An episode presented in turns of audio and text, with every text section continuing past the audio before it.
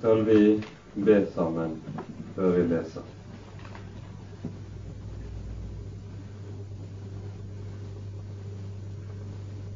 Kjære Herre, du hellige og trofaste Gud.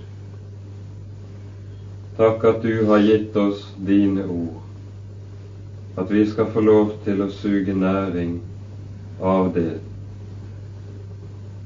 Næring som vi trenger til alle ting i livet. Der har du gitt oss alt, og vi mangler ingenting. Takk for at du har gitt oss din enbårne sønn, for at vi skal få lov til å være dine barn og eie deg som far. Nå ber vi deg at du vil komme slik du har lovet, og lukke opp ordet ditt for oss, og la oss få lov til å se inn i noe av hva det vil si at du er far. Ta deg av oss, og kom du og tal til våre hjerter. Amen.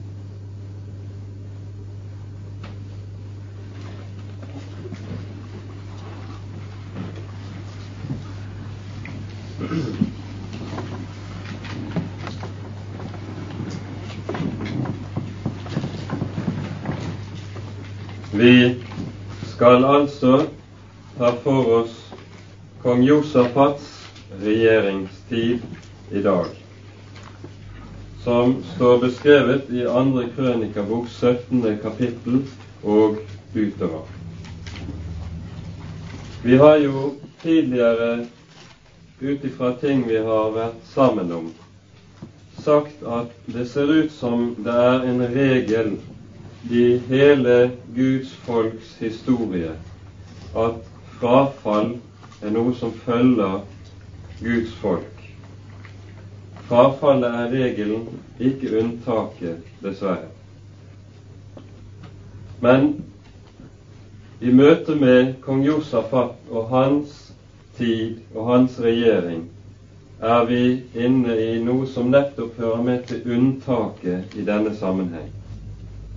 Han er en av Det gamle testamentets beste konger. Og han er en konge som Guds folk i en vanskelig tid i høy grad trengte til. Dere husker gjerne fra i høst at vi var sammen om kong Asa, som var Josafats far og stanset en del for begivenheter i hans tid. Når han døde, så hadde kong Akab regjert fire år i Nordriket.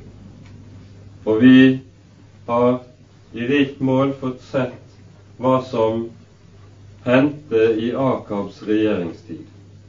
For det var jo nettopp i Akabs regjeringstid profeten Elias hadde sitt virke. Men i Sydriket kommer altså Josafat på tronen. Han er 35 år gammel når han blir konge, og han kommer til å regjere i hele 25 år. Og da tror jeg at vi skal Ja, ja, jeg kan kanskje nevne for de av dere som er interessert i å plassere dette historisk i tiden, så regjerte han ca. fra 875 før Kristus til 850. Årstallene er litt usikre, for det er vanskelig å få kronologien helt til å stemme. Men der omkring. Jeg tror vi skal begynne med å lese sammen fra kapittel 17, de ti første versene i dette kapitlet.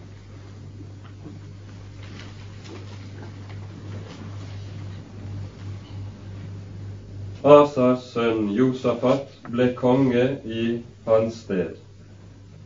Han søkte å styrke seg mot Israel, og han la krigsfolk i alle Judas faste byer, og la også mannskap i Juda land og i de byer i Efraim som hans far Asa hadde inntatt.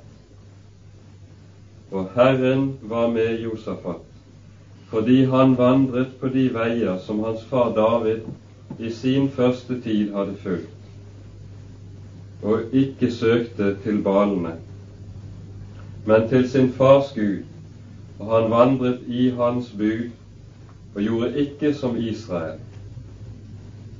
Herren trygget kongedømmet i hans hånd, og hele Juda ga Josafat gaver, så han fikk stor rikdom og ære.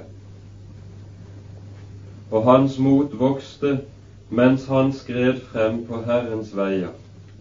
Og han fikk også bort offerhaugene og astartebildene i Juda. I sin regjerings tredje år sendte han sine høvdinger Ben-Hail, Obadja og Zakaria og Netanel og Mikaia ut for å lære i Judas byer. Og sammen med dem levittene Semaya, Netanya, Sebadja, Asael, Semiramot, Jonathan, Adonja og Tobia og Tov Adonja. Og med disse levittene prestene Elisama og Joram. De lærte i Juda og hadde Herrens lovbok med seg. De dro omkring i alle Judas byer og lærte folket. Og frykt for Herren kom over alle rikene i de land som lå rundt omkring Juda, så de ikke torde å føre krig med Josafat. I de versene vi har lest sammen her, så er det gitt oss det som vi tror vi må si er kjernen i hele Josefats regjering. Han søker å styrke Juda, styrke Guds folk. Og dette gjør han på dobbelt vis. Dels det er det første prøver han å sette i stand og ordne militærvesenet og forsvaret i landet. Han reorganiserer Forsvaret. Det står det mer om, og vi behøver ikke ta oss tid til det. De som er interessert, kan lese i vers 12 og utover om denne ordningen. Dernest søker han å styrke folket i åndelig forstand. Og det er det som er det egentlige. Josafats tid er reformasjonstid i Israel. Der er noen slike konger i Sydrikets historie som er slike reformasjonskonger. Josafat er en av de største. Senere i Israels historie kommer det to til som i særskilt grad er fremtredende. Og vi skal komme tilbake til dem senere. Det, det er kongene Esekias og Josias. Og disse reformasjonskongene i Guds folk hadde en uendelig stor betydning for folket på grunn av det de gjorde i denne sin tid. Og Når vi sa det at Josafat sin oppgave var å styrke Guds folk, så henger det på det nøyeste sammen med reformasjonsverket. Fordi vi vet at det er en grunntone i gjennom hele Bibelen at det som er folkets styrke, det er Herren. Herren er min styrke og lovsang, lyder det gjentagende ganger i Salmenes bok. Og det sies uttrykkelig at det militære, de rent ytre forsvarsverker, de er av helt underordnet betydning i forhold til det. Dere husker ordene i Salme 147 hvor det står Herren har ikke behag i hestens styrke. Herren har ikke lyst til mannens ben. Herren har behag i dem som frykter ham og venter på hans miskunnhet. Og Her settes altså disse to tingene opp imot hverandre. Å ha en sterk militærmakt uten at den åndelige siden, hvis vi kan si det slik, er rett, gagner folket ingenting. Om de er aldri så sterke, vil de allikevel komme til å lide nederlag overfor sine fiender og i prøvelser. Dersom de ikke har sin styrke i Herren. Og omvendt, om de er aldri så svake og hjelpeløse, så vil Herren være i stand til å ta seg av dem.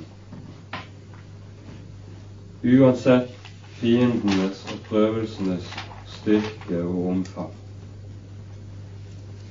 Dette er Israels egentlige styrke, reformasjonsverket. Og Josafat gjør dette på dobbelt måte, må vi igjen si. Han går frem på en måte som ingen annen konge før ham har gjort. For det første bryter han ned avgudsbildene og avgudsofferalterne som folket hadde reist i årene før han ble konge. Og det var skjedd rett som det var at kongene hadde gjort det. Men han går ett skritt videre. For det er ikke nok bare det å bryte ned bildene. Der må noe inn i folket, i folkelivet. Og Derfor sender han høyt utvalgte representanter ut for å undervise folket i Guds ord. Og Vi ser i fra vers 7 til 9 de som Josafat sender ut. Det er for det første en gruppe høy, høye adelsmenn det står fyrster i grunnteksten. Og disse var med for å gi utsendingene som skulle undervise folket, autoritet. De hadde ikke som sin primære oppgave selv å undervise. Det var det nemlig levittene og prestene som hadde som sin oppgave. Dette er uttrykkelig sagt flere steder i Mosebøkene at ved siden av at Det gamle testamentets prester var først og fremst prester som skulle ofre. De var altså offerprester, og som offerprester var de mellommenn mellom Gud og mennesker. Så hadde de altså undervisningsoppgaven i folket ved siden av. Og Disse to oppgavene var de viktigste oppgavene som prestene og levittene hadde i Israel. Vi kan se i Tredje Moseboks tiende kapittel f.eks., der Herren taler til Aron og klargjør dette. De skal, slik det står Ja, vi kan vente litt.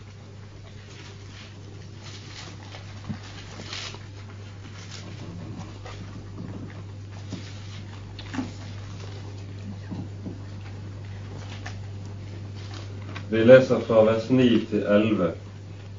Der er det tale om at prestene skal holde seg borte fra vin og sterk drikk. Verken du eller dine sønner skal drikke når dere går inn i sammenkomstens telt, for at dere ikke skal dø. Det skal være en evig lov for dere fra slekt til slekt, og merk begrunnelsen. Så dere kan gjøre forskjell mellom hellig og vanhellig, mellom urent og rent, og lære Israels barn alle de lover som Herren har kunngjort dem ved Moses. Altså undervisningsoppdraget er klart understreket. Og i dette inngikk det å skille mellom hellig og vanhellig, og ikke forsyne fordunklet av sterk drikk.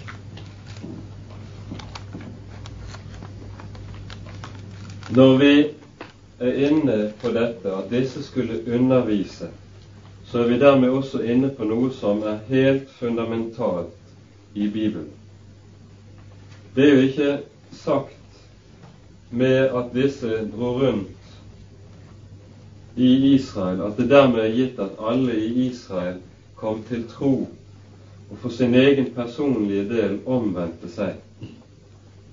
men det førte vel, allikevel til en øket og befestet kunnskap om Guds ord i folkelivet. Og det er noe som Bibelen tillegger den største betydning. Lære og undervisning i Guds ord er livsnødvendigheter for Guds folk. Tenk bare etter f.eks. Hvorfor står det så ofte i Det nye testamentet om at Herren har innsatt lærere i sin menighet? Han har ikke bare innsatt forkynnere som leilighetsvis skal tale, men han har innsatt lærere som har til oppgave å undervise sammenhengende og grundig i Guds ord. Vi kan lese fra Efeserbrevets fjerde kapittel som et eksempel, der det både står om dette og om frukten av den grundige og sammenhengende undervisningen.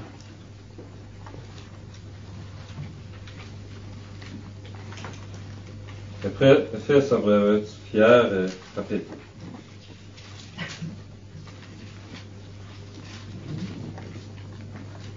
Og Der leser vi fra vers 11 og 12. Her er det først tale om Jesu himmelfart, og i den forbindelse sies det at Jesus etterlater seg bestemte gaver som han gir til menneskenes barn.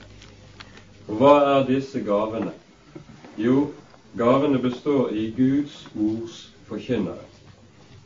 Det er Han som ga oss noen til apostler, noen til profeter, noen til evangelister, noen til hyrder og lærere. Hvorfor? Jo, står det i vers 12, for at de hellige kunne bli fullkommengjort til tjenestegjerning, til Kristi legemes oppbyggelse. Altså, for Guds ord blir forkynt rikelig og rett slik, og slik at Guds folk tar til seg, vil det ha en bestemt frukt i blant Guds folk. De blir fullkommengjort til tjenestegjerning. Kristi legeme oppbygges. Og det er ikke småting som henger sammen med dette at Guds, at Guds ord undervises i grundig og sammenhengende. Vi har lett for å trekke et skille mellom lære og liv, sånn at vi sier at det er forskjell på det som kalles for teori og praksis. I, på andre områder kan det godt være det, at du må sette deg inn i en ting teoretisk for å lære å praktisere det. Slik er det ikke med Guds ord og den kristne tro. Guds ord er nemlig noe som ikke er teoretisk, og som jeg skal prøve å praktisere. Tvert om, ordet er noe som i seg selv er levende, og når det får virke, så gjør det sin gjerning med meg. Det er altså ikke jeg som arbeider med ordet, men det er primært ordet som arbeider med meg. All ære være det grundige arbeid med Guds ord for det, altså. Det er ikke det jeg vil, vil ta bort. Men det er det som er det grunnleggende. Slik er det at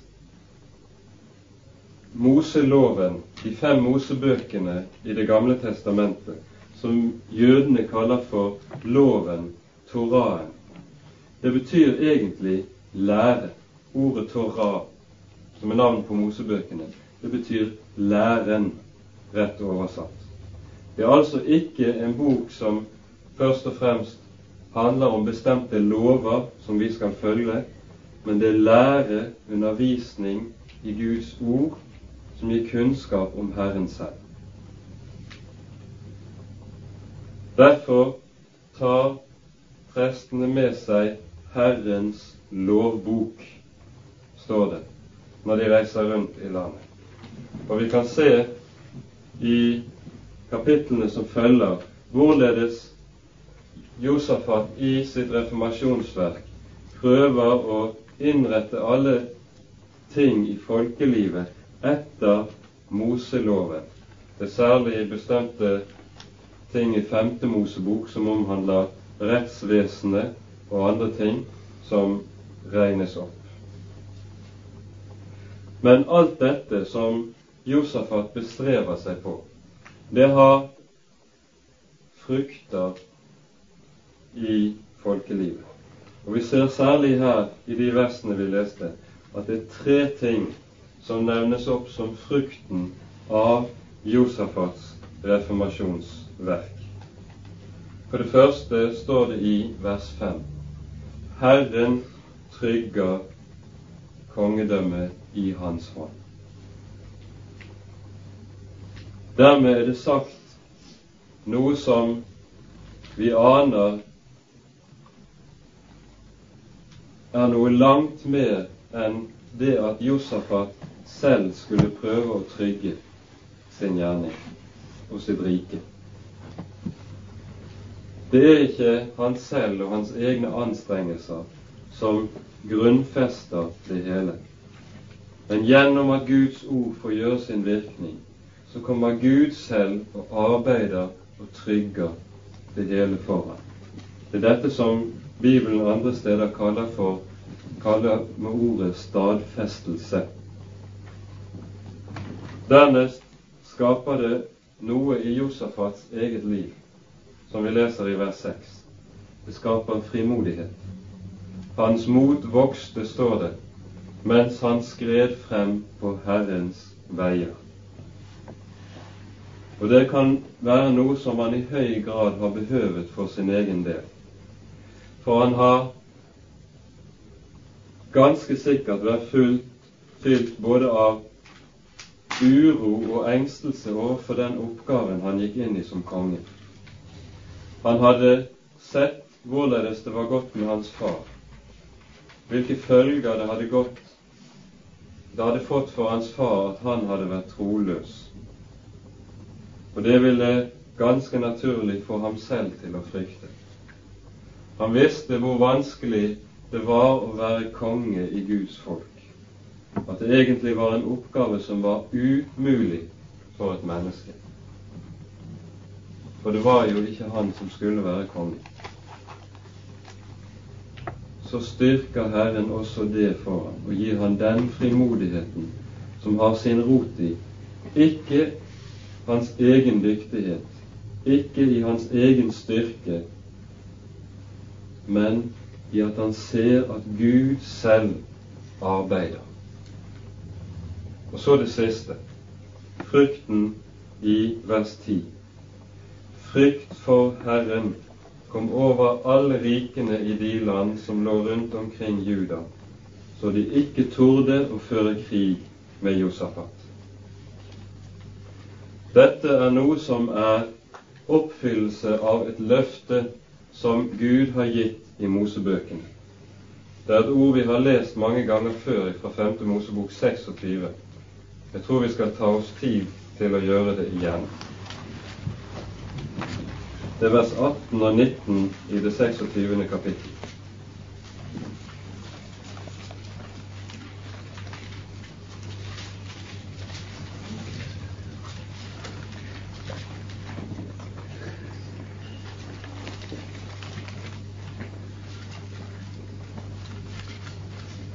Herren har i dag gitt deg sitt ord, at du skal være hans eiendomsfolk, således som han har sagt til deg, og at han, dersom du holder alle hans bud, vil heve deg høyt over alle de folk han har skapt, til pris og til ry og til pryd, og at du skal være et hellig folk for Herren din Gud, således som han har sagt.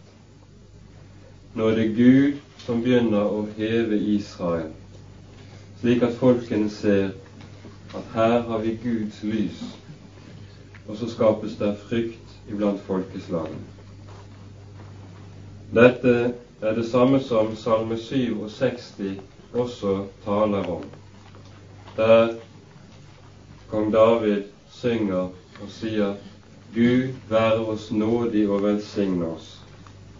Han lar sitt åsyn lyse hos oss, for at man på jorden må kjenne din vei, og blant folkeslagene se din frelse. Altså det, denne frukten iblant folkeslagene, at de begynner å se at her er Gud i arbeid. Det er noe som ikke er et resultat av at folkene begynner å si, se at Israel begynner å si, se her, Gud er med oss. Og prøv, begynner å anstrenge seg og løpe rundt for å vise frem hvor gudfryktige de er. Men Gud arbeider på en slik måte at alle som er i nærheten, fornemmer det. Her er Gud. Han lar sitt åsyn lyse, så de begynner å se, begynner å ane noe. Kanskje på en sånn måte at de ikke kan formulere det i ord, men likevel. Her aner de at her er det ikke mennesker som er i arbeid, men det er Gud Derfor står det slik at Herrens frykt kommer over folkene. Den samme saken er det som også går igjen i Matteusevangeliets femte kapittel i Bergpreken, hvor Jesus sier til disiplene disse ordene som vi kjenner godt. Dere er verdens lys. Han sier ikke 'dere skal være verdens lys' og altså gir dem en oppgave. Nei, disiplene og Guds folk har ikke som oppgave å være verdens lys. Det Jesus gjør, er at han sier noe som faktisk er tilfellet. Dere er verdens lys, nemlig så fremt dere blir bevart i dette ordet som jeg har talt til dere. Derfor skal ikke vi streve med heller å løpe rundt og prøve å være lys. Men får Guds ord lov til å arbeide og gjøre sin virkning, så vil vi være det helt av oss selv.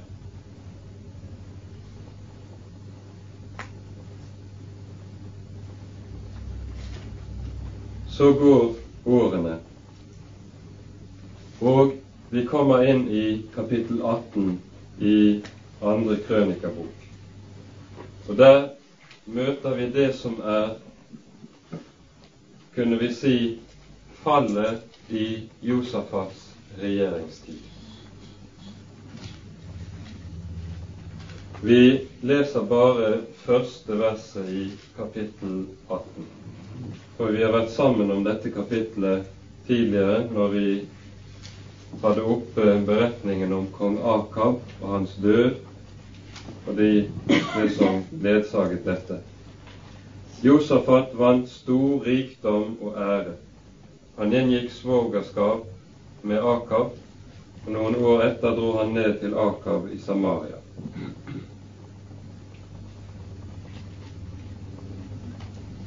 Hele kapittel 18 inneholder det samme som første kongeboks 22. kapittel gjør nemlig beretningen om kampen mellom de sanne og falske profeter, og hvorledes de falske profetene understøtter Akam og leder han ut i det som blir hans død.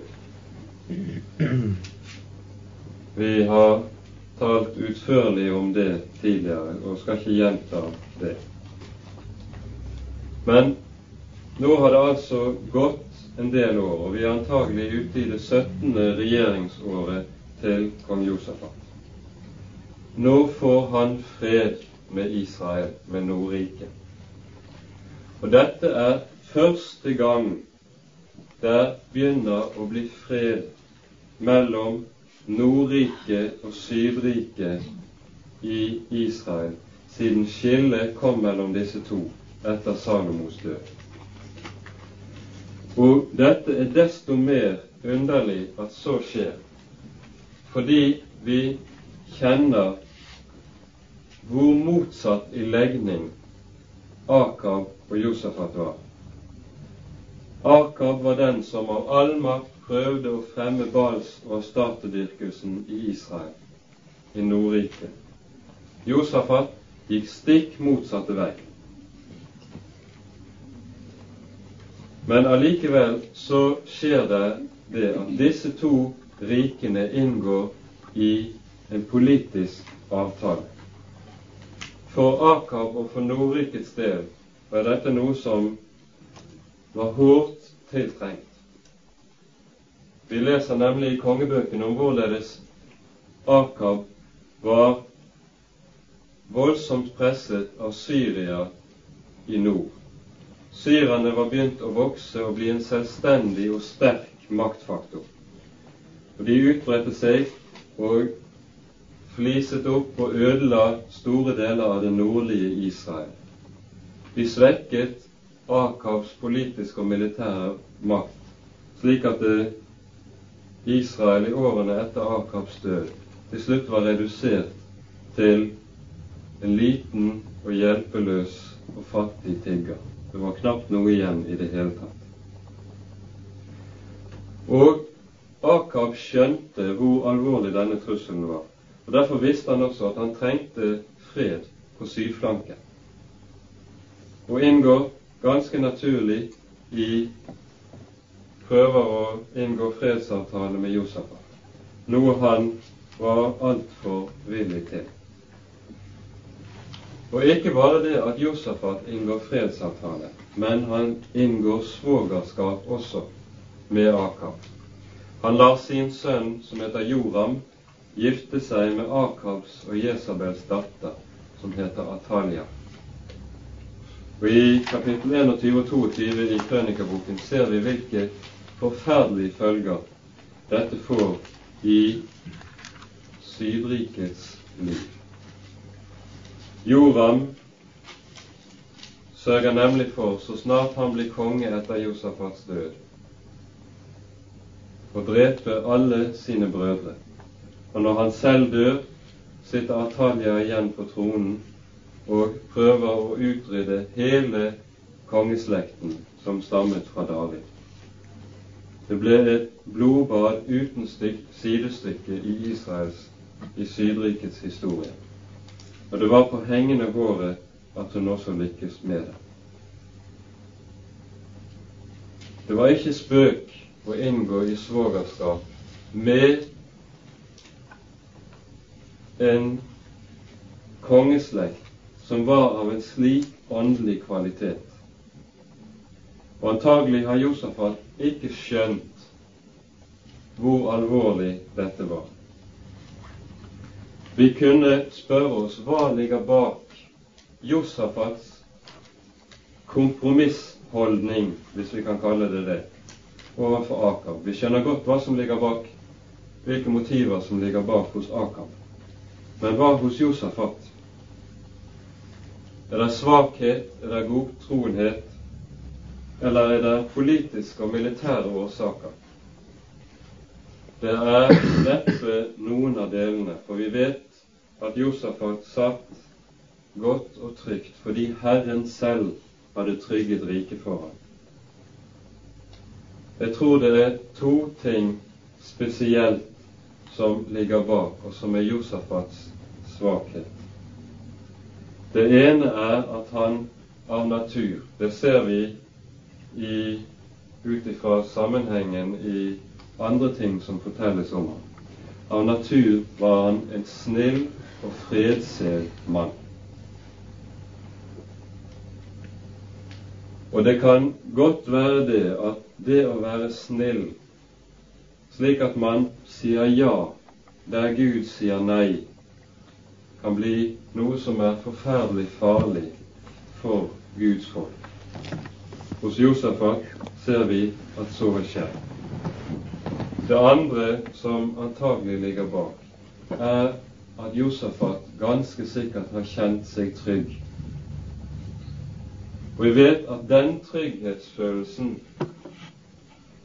som fører til slike ting, den er alltid farlig. Det var jo den som førte Salomo til fall i hans tid, f.eks. Og Josefat har ikke vært bedre. Han har høyst sannsynlig håpet at han med tiden og med årene gjennom dette avtalen skulle komme til å få overherredømme også over Nordriket og gjenopprette Davids store rike. Og han har kanskje også trodd at han med det tjente Guds sak og fremmet noe som han trodde var Guds gjerning. Men dette, nettopp dette er ytterst farlig. Det er nemlig ikke uvesentlig for Guds folk hvem de gir seg i lag med og begynner å samarbeide med. Gud har gjort det til noe av en grunnlov i sitt folk at han setter et skille mellom lys og mørke. Vi har vært inne på dette før. Og der hvor vi begynner å blande, der Herren skiller, vil det alltid komme til å gå galt. Vil man f.eks. prøve å skape fellesskap mellom lys og mørke fordi man vil være snill, f.eks., vil det aldri føre til at mørket omvender seg og blir til lys. Det fører alltid til det motsatte. At lyset blir til mørke, og at saltet mister sin kraft. Det var jo det som skjedde i Noas tid og i Noas dager, da Guds, all Guds frykt forsvant fra jorden.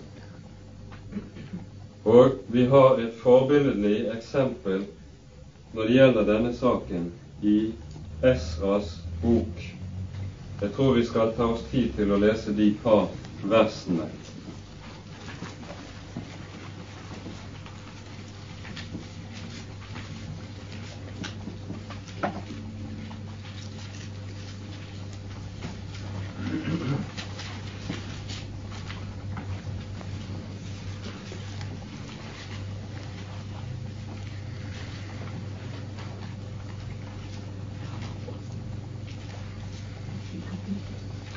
sa jeg ikke det? Det fjerde kapittelet. Og Der leser vi de fire første versene i dette kapittelet. Da nå Judas og Benjamins motstandere hørte at de bortførte bygget et tempel for Herren, Israels Gud, da kom de til Serubabel og til familiehodene og sa til dem:" La oss få være med dere og bygge, for vi søker deres Gud like som dere selv. Og til ham har vi ofret helt fra syrakongen Asahadons dager, han som førte oss hit. Da svarte Serubabel og Josva og de andre familiehodene i Israel. Det lar seg ikke gjøre at dere er sammen med oss om å bygge Gud, bygge et hus for vår Gud.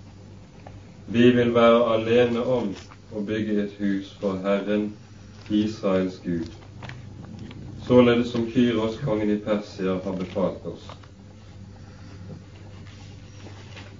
Her ville altså samaritanene, som nettopp var et folkeslag som var eksponenter for det vi kan kalle for en blandingsreligion. Blanding av Moselov og hedenskap var det som kjennetegnet samaritanene i deres gudstiftelse. De ville være med og gjenreise Herrens tempel etter at Israel var kommet tilbake fra den flyktenheten i Babel. Og så sier Serubabel og Josfa det lar seg ikke gjøre, vi vil bygge alene. De kjente og de visste ut ifra den sørgelige erfaringen som Guds folk hadde gjort tidligere, hvilke følger det hadde hatt når de ga seg inn i et samarbeide som ikke var gitt ovenifra, men som var gitt nedenfra, kanskje diktert av politisk klokskap eller andre ting. Og det kan på oss virke veldig hardt når det sies nei slik. Nei, dere får ikke være med. Men har Gud sagt nei, så skal vi ikke være de som sier ja.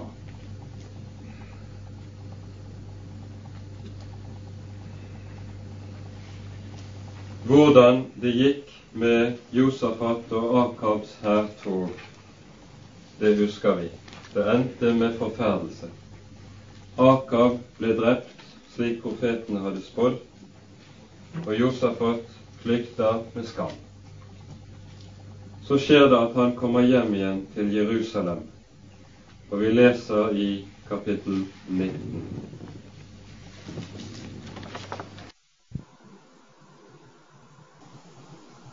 Og vi skal merke oss at i Det nye testamentet går disse to ting hånd i hånd.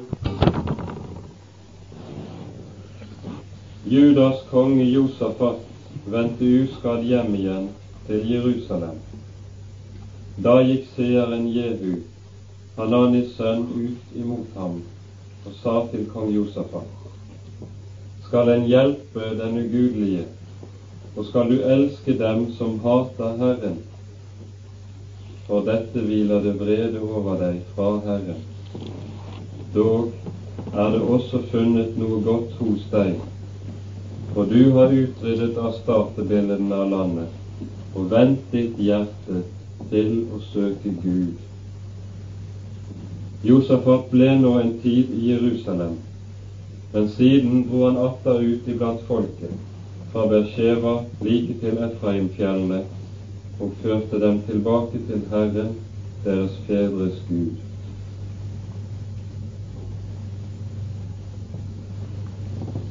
Det mislykkede felttoget mot syrerne sammen med Akab må ha gjort et voldsomt inntrykk på Josafat. Han hadde hørt profeten Mikas ord, som hadde mot, profetert mot de 400 falske profetene. Og han hadde sett hvorledes Mikas ord gikk i oppfyllelse til punkt og prikke. Og han reiser med skam tilbake til Jerusalem. I byporten møtes han av Jehu, Hananis sønn. Hanani er den profeten som refset kong Asa for, for hans troløshet. Og her ser vi det som er forskjellen mellom Asa og Josafat. For hva gjorde Asa når Hanani kom til ham og refset ham? Han nektet å høre.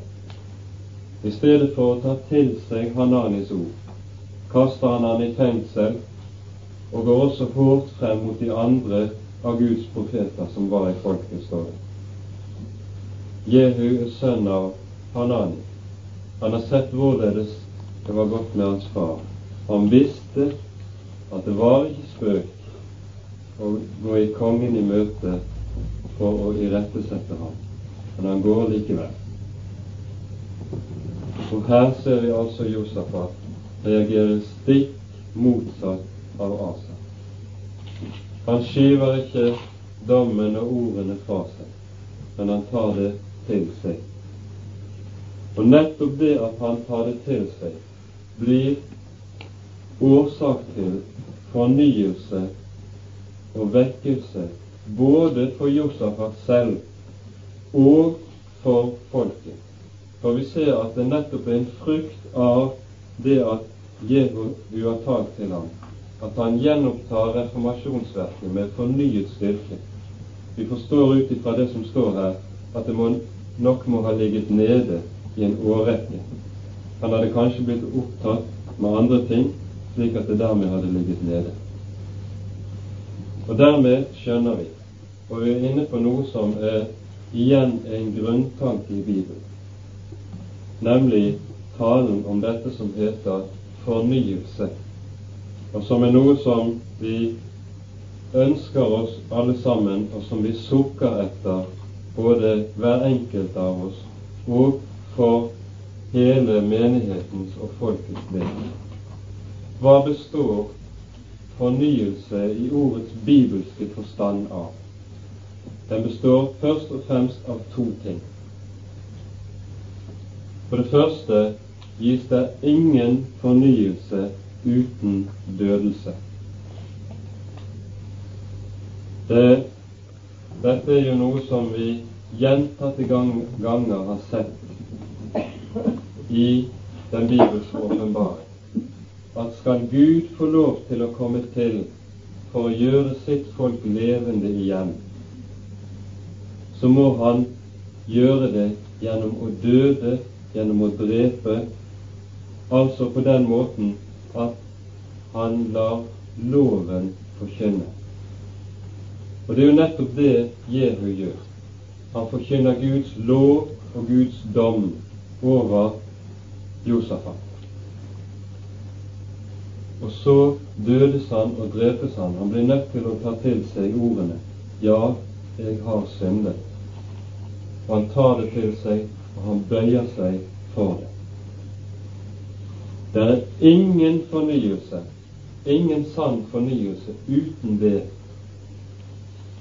Herren døder og gjør levende. Levendegjørelsen kommer aldri noensinne uten dødelsen. Det hører sammen. Det er akkurat det samme som var søndagens tekst nå sist søndag. Hvis ikke hvetekornet faller i jorden og dør, blir det bare det ene korn. Men faller det i jorden og dør, spirer det og bærer meget frukt. Det er en grunnlov. Det er den ene bestanddelen i det som kalles for fornyelse. Dernest den andre. Det er ingen fornyelse uten gjennom å vende tilbake til kildene, altså til Guds ord.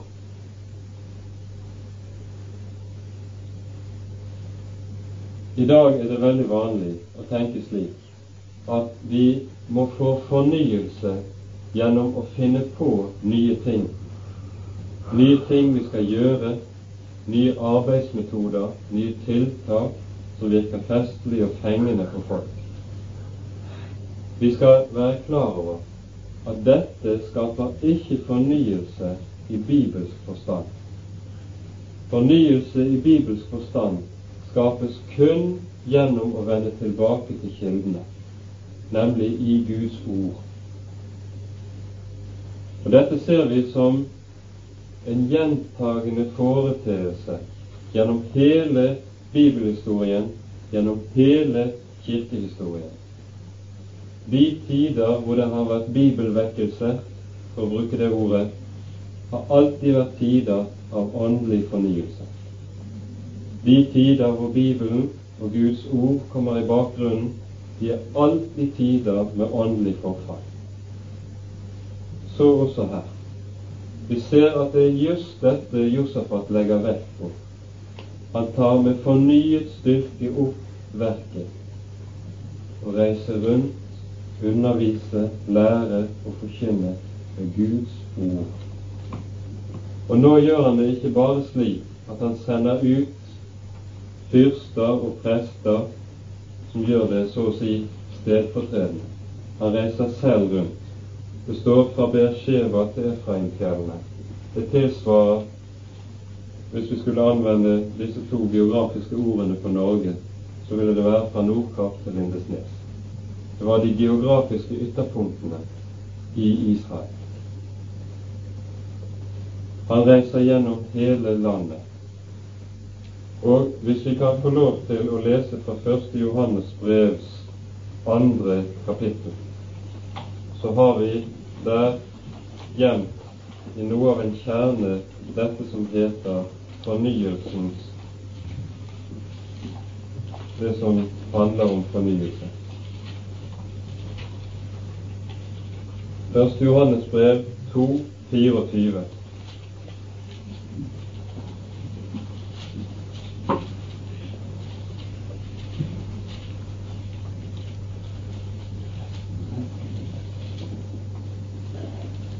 La det bli i dere som dere hørte fra begynnelsen.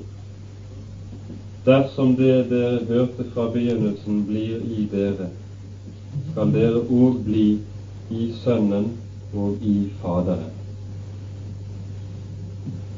Bli i det dere hørte fra begynnelsen. Og så knyttes det et veldig løfte til nettopp det ordet.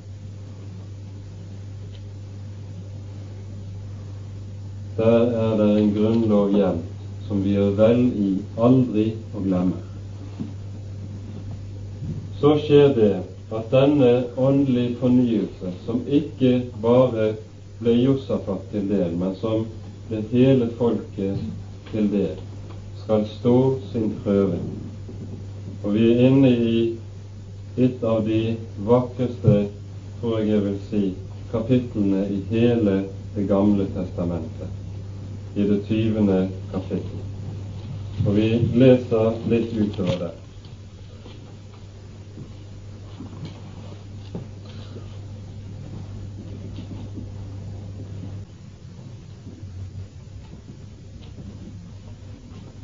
Noen tid etter hendte det at Moabs barn og Ammons barn, og sammen med dem en del av meunittene, gjorde et krigstog mot Josafat. Folk kom med tidene derom til Josafat og sa:" Det kommer en stor hær imot deg fra hin side av havet, fra Syria.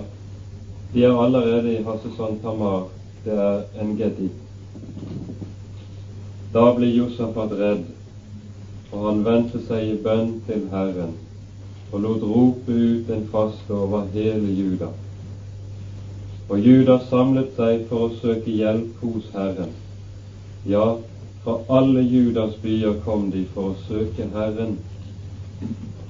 Da sto Josafat frem blant dem som var kommet sammen fra Juda og Jerusalem i Herrens hus, foran den nye forgård, og han sa, Herre, våre fedres Gud. Er det ikke du som er Gud i himmelen? Du råder over alle folkenes riker. I din hånd er kraft og velde, og det er ingen som kan holde stand mot deg. Har ikke du, vår Gud, drevet dette lands innbyggere ut for ditt folk Israel, og gitt det til din venn Abrahams etterkommere for alle tider? De bosatte seg der og bygget deg der en helligdom for ditt navn og sa:" Om noen ulykke kommer over oss, sverd, straffedom, pest eller hungersnød, så vil vi stille oss foran dette hus og for ditt åsyn, for ditt navn bor i dette hus, og vi vil rope til deg i vår trengsel, og du vil høre det og frelse. Se nå hvorledes Ammons barn og Moab og folkene fra Seirfjellet, disse folk som du ikke ga Israel lov til å trenge inn iblant da de kom fra Egyptens land, så de bøyde av og dro bort fra dem og ikke ødela dem. Se hvorledes de lønner oss. Nå kommer de og vil drive oss ut av din eiendom, som du har gitt oss til eie. Vår Gud, vil du ikke holde dom over dem. For vi har ikke kraft nok til å motstå denne store hær som kommer imot oss, og vi vet ikke hva vi skal gjøre, men til deg er våre øyne vendt. Og hele Juda sto der for Herrens åsyn, endog deres små barn, deres hustruer og deres sønner. Det som er skjedd her, er at nå får Josafat smake følgende av at han ga seg i forbund med Akab. For sammen med syrerne så var en del av de andre folkeslagene som levet på østsiden av Jordan, de hadde revet seg løs fra Akabs innflytelse og overhøyhet. Og nå har de slått seg sammen for å gjøre et innfall imot det som de anså som for å være et lett bytte. Og så er Israel plutselig stående i en fortvilet situasjon. For veien disse kommer på inn imot inn i landet, er slik at de kommer utenom alle forsvarsverkene som Josafat tidligere har bygget. De kommer veien langs Det døde hav. En geddi ligger ved Dødehavet. Og der er det ingenting. Og plutselig er, det, er de, har de kommet over høydene der, så er de like ved hjertet i landet. Det er bare kort vei til Jerusalem. Rent militært så var altså folket i en fortvilet situasjon. Det var ikke tid til å kalle sammen hæren, som var stor, men lagt, forlagt sted. Det var det vi kan kalle et lynangrep. Og med det blander seg en annen følelse som vel må ha vært fremherskende for Josef Han visste det at dette som vi nå står overfor, det er selvforskyldt. Det er min svikt i forhold til Akab som har forvoldt oss dette. Jeg får jo lønn som fortjent. Og dermed så aner vi at Josafat dermed også inne i ikke bare i en situasjon som ytre sett er fortvilet, men han står hårtrengt selv. For han vet det at overfallet Og skulle de tape i kampen, så var det vel fortjent. Det var hans egen skyld. Og så kaller han sammen hele folket til den store bot, som vi kan kalle det for. Dette er også noe som knapt har skjedd noen gang i Israels historie. Vi har sett det en gang tidligere i Samuels virketid, i første Samuels bok syvende kapittel, for de som har lyst til å se. Hele folket samles, og der begynner vi å ane at Josafats virke, reformasjonsverk, har båret frukt i folkelivet. Det er ikke kongen alene som ber men hele folket stiller seg frem for Guds åsyn i sin nød, i sin fortvilelse. Og det er en som har sagt at når Guds folk ber på denne måten, da er hjelpen ikke langt unna. For her ser vi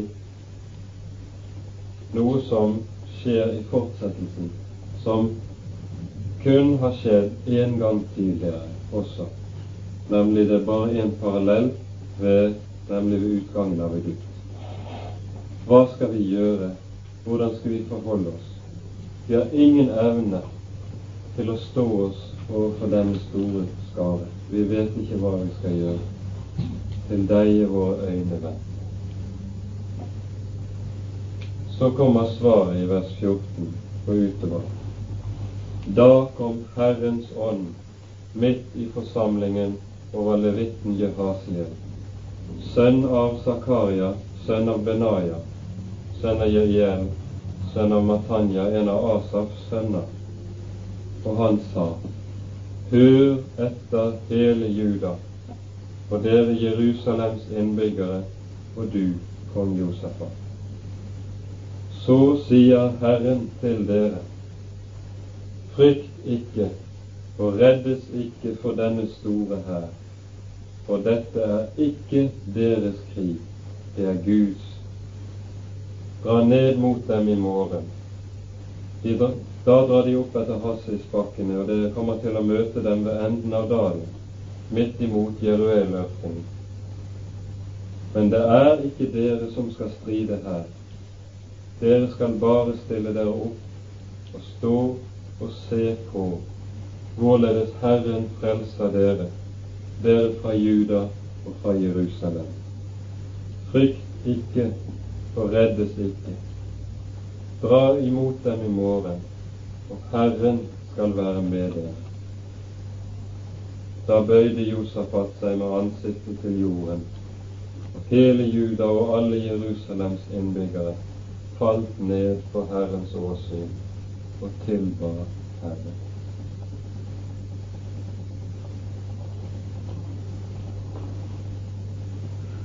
Når Josafat og når folket ber slik de gjorde, og som vi leste, så har de ikke bedt uten håp. for de visste at selv om de hadde falt slik de hadde gjort, så er Gud en Gud som er trofast. Og det ser vi også i hvorledes de appellerer til Gud, for de minner Gud i bønnen om hva Han har gjort tidligere. Husk på, Herre, hvorledes du frelste våre fedre, hvorledes du ledet våre fedre og tok deg av dem. Og under det ligger det, og det skjønner vi, at de var jo ikke bedre enn Josafat og Israel var i sin tid. Når Herren tok seg av Israel og frelste folket ut av Egypten, så var det en flokk syndere han tok seg av og ut. Det var ikke et folk som var fromme og dydsmønsteret på enhver måte. Tvert om. Og på samme måten og på de samme premisser må Herren tre inn og frelse dem. Og det er just det han gjør. Han behandler ikke Josafat etter fortjeneste og sier 'nå kan du ha det så godt'. Tvert om, om han har viklet seg inn i en aldri så håpløs og fortvilet situasjon, så er Gud ved sin trofasthet mektig til å frelse en som har vært troløs. Og det er det han demonstrerer så på all måte, over all måte tydelig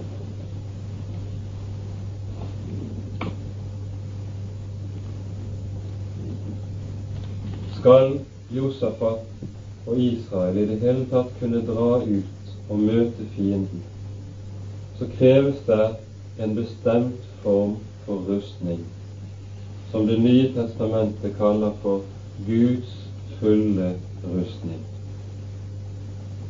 De hadde ikke militærmakt. De sto opprådde. Og de visste ikke hvordan de skulle forholde seg, eller hva de skulle gjøre.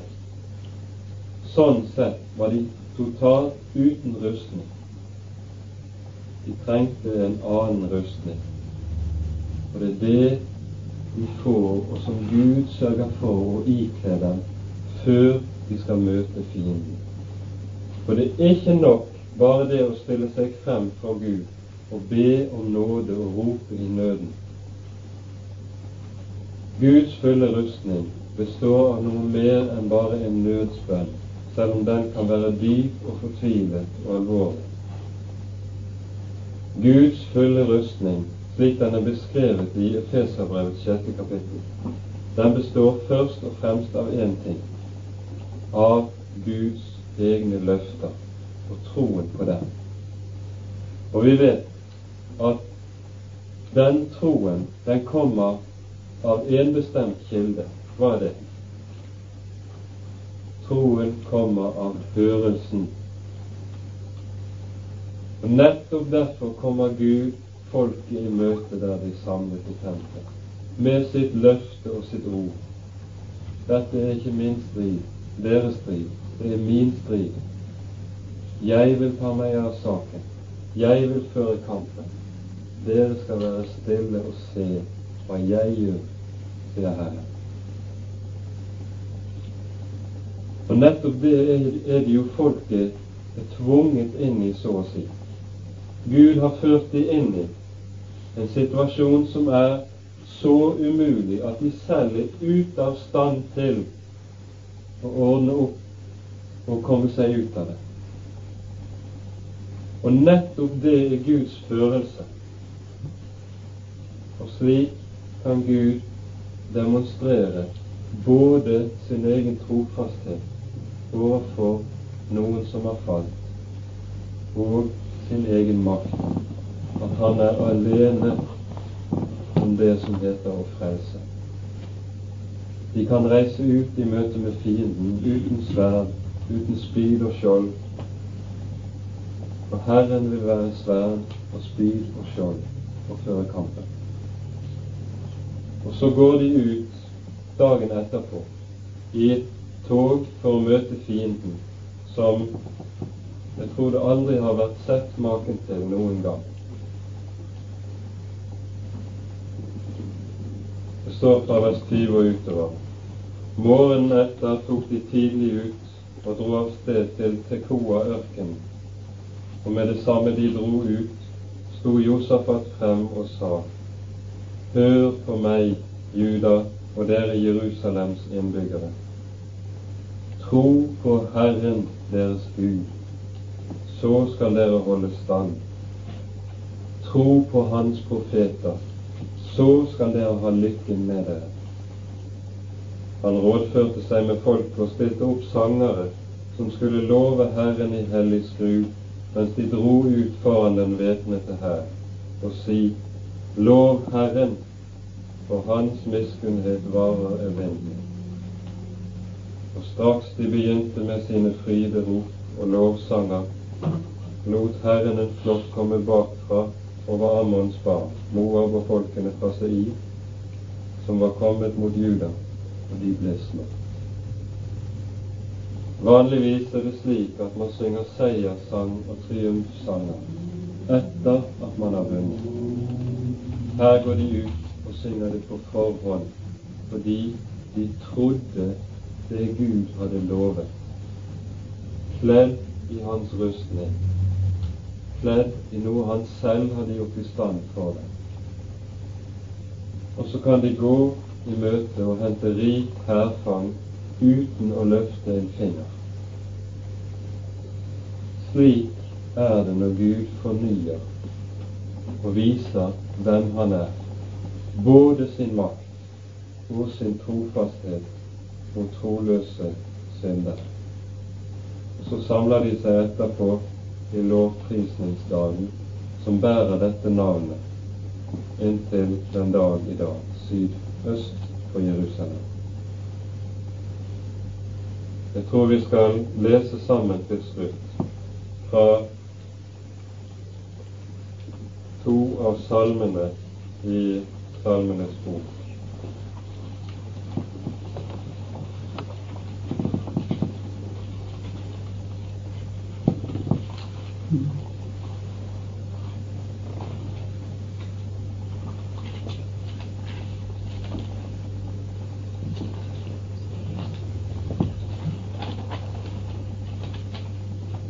Begynner på salme 66 fra vers 8 til 12.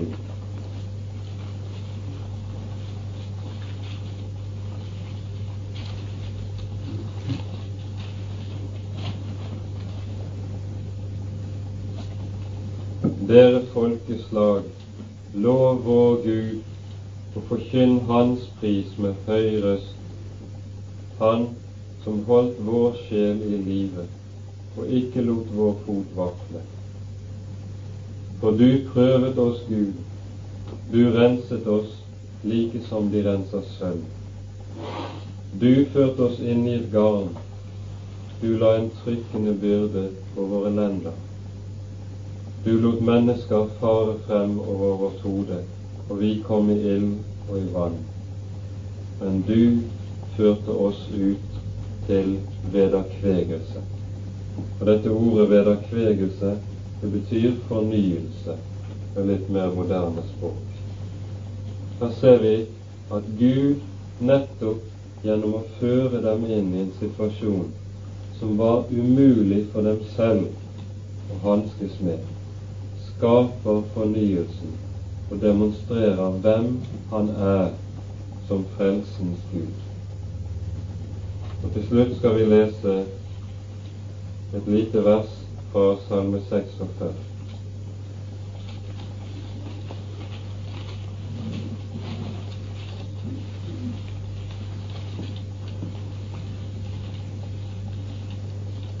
står slik der i det første verset.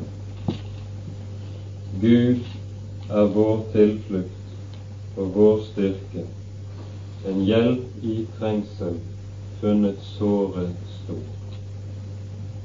Og legg merke til det som står der. Det er i trengselen Guds storhet blir funnet. Det er der vi begynner å se Hans høyhet, Hans storhet og Hans omsorg. Hvor rik den er, og hvor hvordan den er slik at den aldri tar slutt. Det er i trengsel han finnes såre stor. Og det fikk Josafat og hele folket sanne i disse dagene. Og med det tror jeg vi slutter av for denne gangen.